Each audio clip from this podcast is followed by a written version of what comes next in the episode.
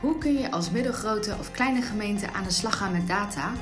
En is kleiner zijn een nadeel of juist een kracht? Welkom bij de Nationale Data Podcast van Verdonk, Klooster Associates.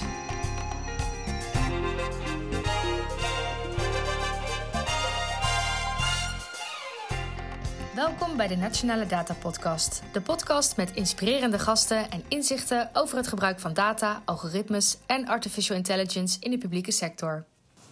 Mijn naam is Sarah van der Laan en vandaag bij mij in de podcast is Rita Prins, Product Owner Data bij de gemeente Hengelo.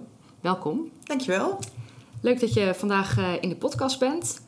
Uh, eigenlijk in het kader van uh, dat we met elkaar constateren dat vaak naar grotere gemeentes gekeken wordt voor uh, veranderingen als datagedreven werken. Terwijl er eigenlijk bij de, tussen aanhalingstekens gezegd, normale gemeentes ook een hele hoop gebeurt. Waarom is dat volgens jou? Ik denk dat er vaak naar de grote gemeentes gekeken wordt omdat daar de, de middelen aanwezig zijn. Uh, zij hebben natuurlijk vaak de mensen en de financiële middelen om te investeren in, uh, in nieuwe ontwikkelingen.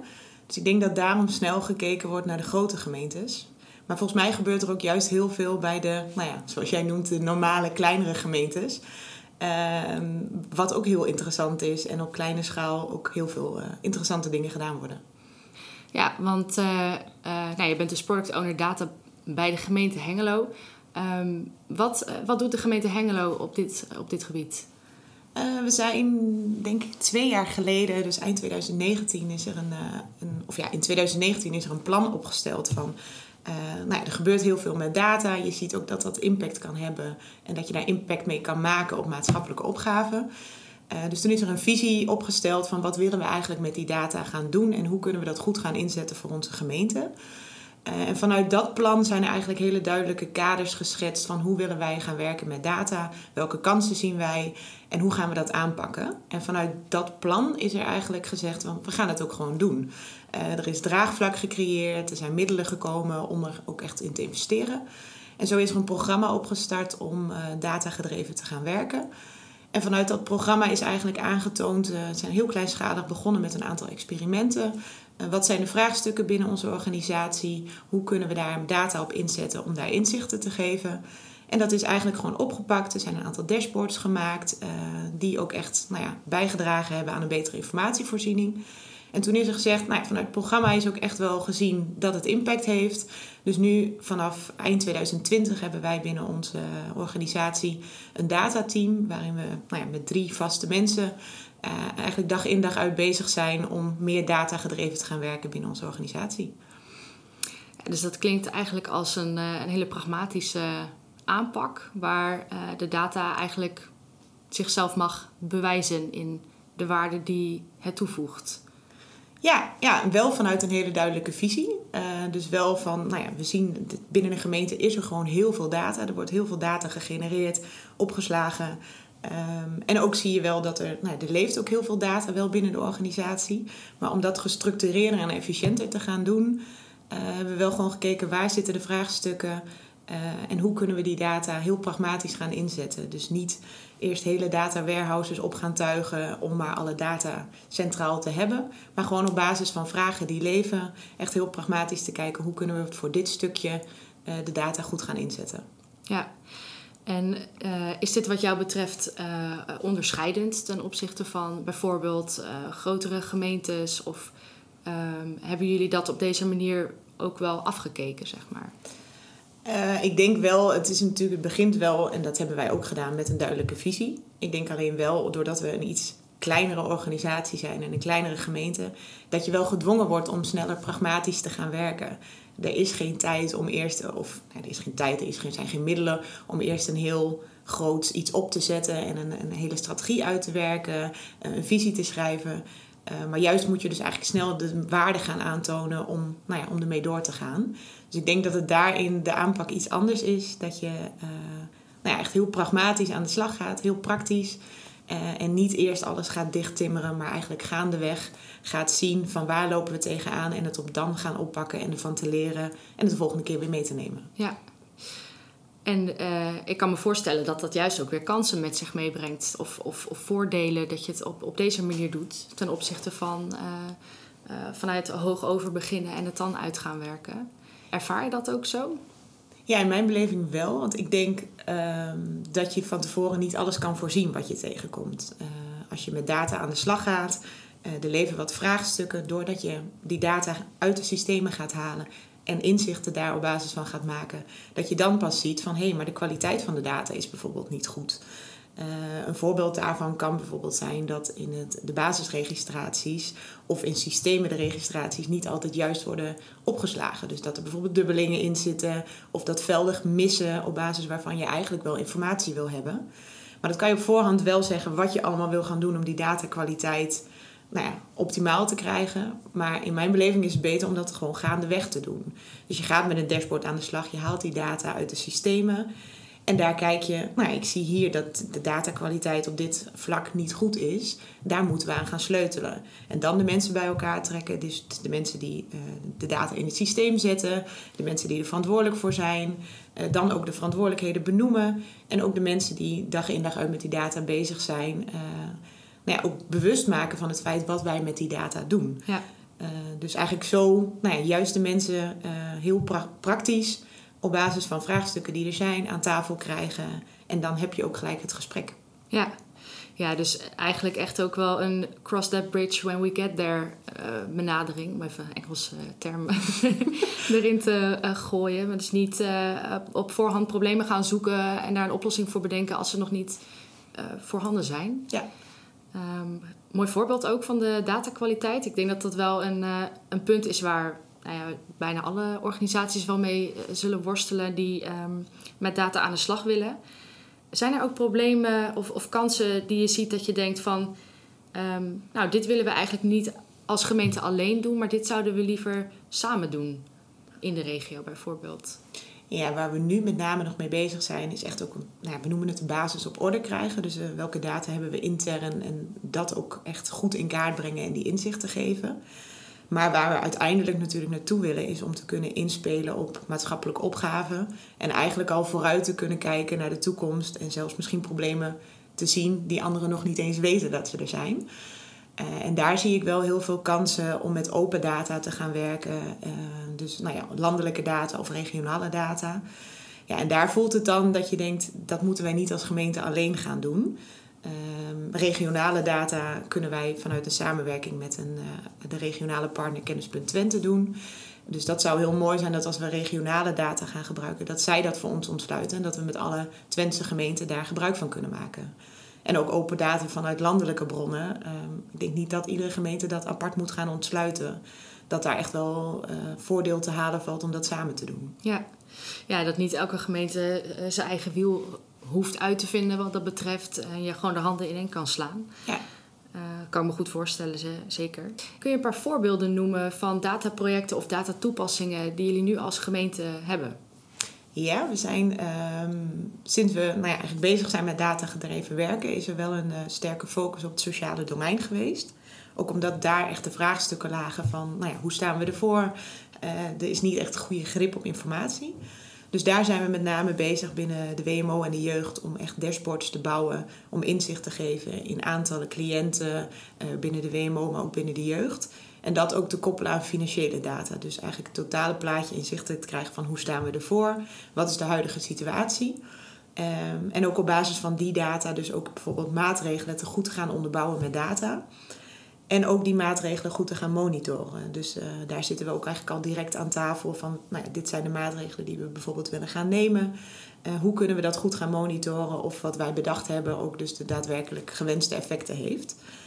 Uh, en dat bouwen we dan ook in dashboards, wat eigenlijk dan geautomatiseerd, nou ja, in mijn be beleving iedere maand het dashboard zou zijn waar de portefeuillehouders met de beleidsadviseurs het gesprek over gaan voeren. En dat iedereen kijkt naar diezelfde data.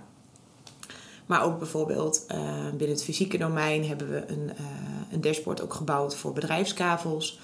Um, dat de, de verkoop van bedrijfskavels wordt gewoon geregistreerd in een systeem. Maar daarin is niet makkelijk uit te draaien van hoe staan we er nu voor met de verkoop? Hoe is het met een bepaald bedrijventerrein georganiseerd?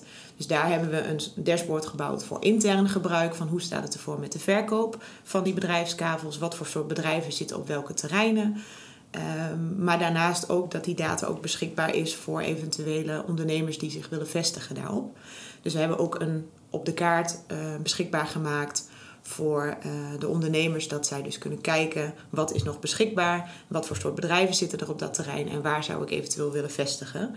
En zodat ze ook contact kunnen zoeken met de juiste persoon binnen de, binnen de organisatie om eventueel uh, nou ja, daar verder over te, te spreken en te kijken of zij zich kunnen vestigen op zo'n bedrijfsterrein.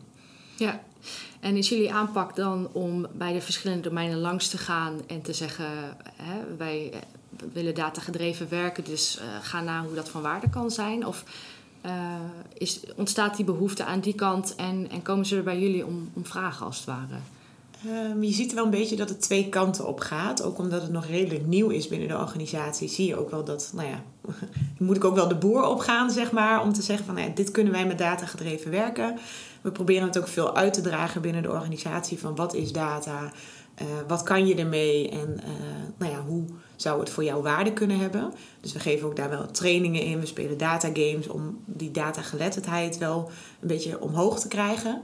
Uh, maar daarnaast zie je ook al wel dat als je eenmaal aan tafel zit en je bent bezig met het bouwen van een dataoplossing, dat die vervolgvraag eigenlijk automatisch al ontstaat. En dat is juist het gesprek ja, wat je eigenlijk zou willen creëren binnen de organisatie, dat dat ja, eigenlijk standaard wordt dat ze ons weten te vinden. En ook als er beleid wordt gemaakt, dat ze eigenlijk direct bij ons aankloppen van hé, hey, hoe zouden we dat goed kunnen gaan monitoren? Ja, ja zeker. En, uh, en je noemde net een voorbeeld van uh, in het sociaal domein. Uh, daar zullen ongetwijfeld ook uh, privacy-vraagstukken liggen. Hoe gaan jullie daarmee om? Ja, dat is ook een van de dingen die dus uh, nou ja, gaandeweg is ontstaan. Uh, je ziet dus dat je met privacygevoelige data gaat werken, maar je hebt ook te maken met ethische aspecten. Dus nou ja, wil je dit wel inzichtelijk maken en wat zou het maatschappelijke uh, probleem daarbij kunnen zijn? En zo zijn we dus ook heel pragmatisch gaan kijken bij de eerste dashboards die we hebben gebouwd van hoe kunnen we deze onderwerpen tackelen. Nou moeten we een DPIA uitvoeren? Uh, we hebben bijvoorbeeld ook gebruik gemaakt van een DEDA, dus de ethische data-assistent.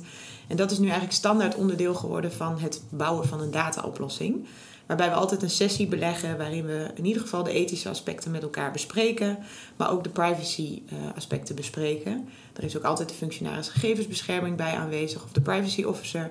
Zodat in ieder geval dat gesprek is gevoerd en er ook bewuste keuzes gemaakt kunnen worden van, nou ja, gaan we hier wel voor of gaan we hier niet voor? En dat ook goed documenteren, zodat, nou ja, mochten daar vragen over komen, uh, dat dat gewoon goed gedocumenteerd is en een bewuste keuze in is gemaakt. Ja, nou, dat klinkt toch uh, vrij gestructureerd voor uh, eigenlijk ook zo'n heel pragmatische aanpak. Waar hoop je dat jullie zeg over een jaar of, of twee, drie staan? Nou allereerst denk, hoop ik gewoon dat we op deze manier door kunnen en mooie oplossingen kunnen leveren. alleen waar, wat je ziet, we kijken nu nog heel erg naar de huidige situatie en hoe staan we er op dit moment voor. Dus we zitten echt nog in die beschrijvende analyse. En het zou wel heel mooi zijn als we de komende uh, jaren kunnen gebruiken om ook meer naar die voorspellende analyse te kunnen gaan. Uh, daarvoor heb je natuurlijk eerst nodig dat de huidige situatie in kaart is. Maar ik zou het mooi vinden dat we ook iets meer naar de toekomst kunnen gaan kijken. En niet alleen maar naar het verleden kijken.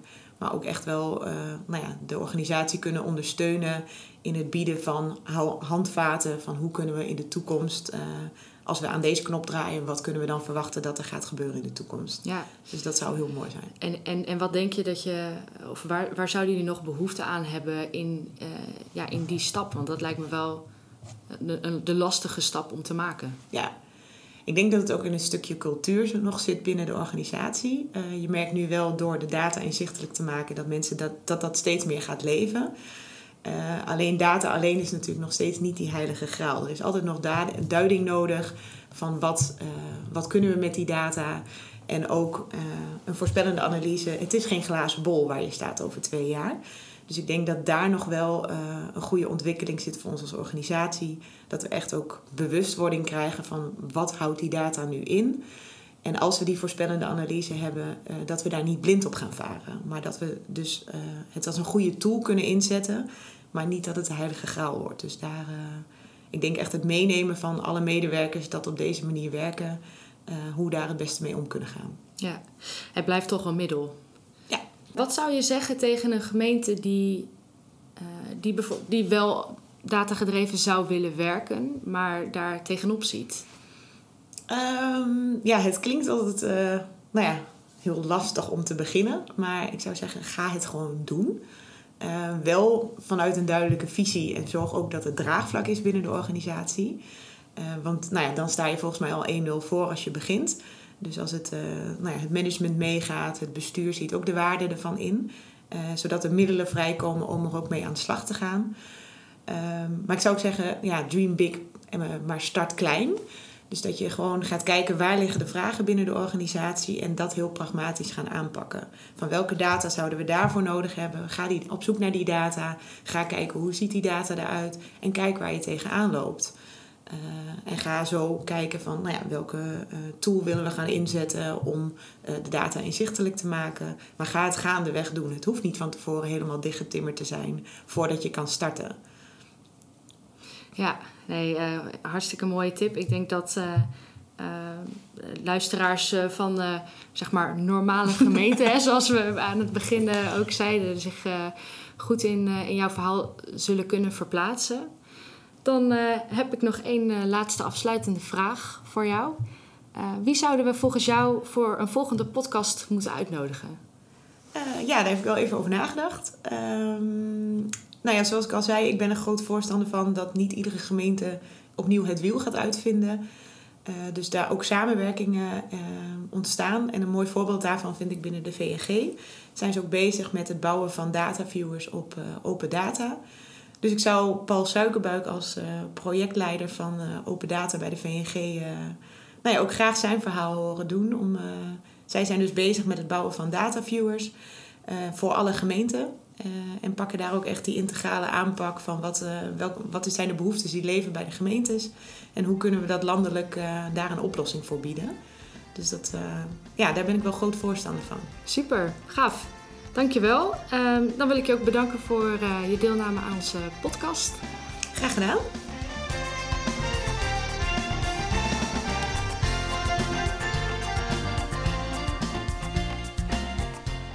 Hiermee zijn we aan het eind gekomen van deze aflevering van de Nationale Data Podcast. Bedankt voor het luisteren. Abonneren of terugluisteren van alle afleveringen van de Nationale Data Podcast kan via Apple Podcast, Spotify of je favoriete podcast app. Tot de volgende keer.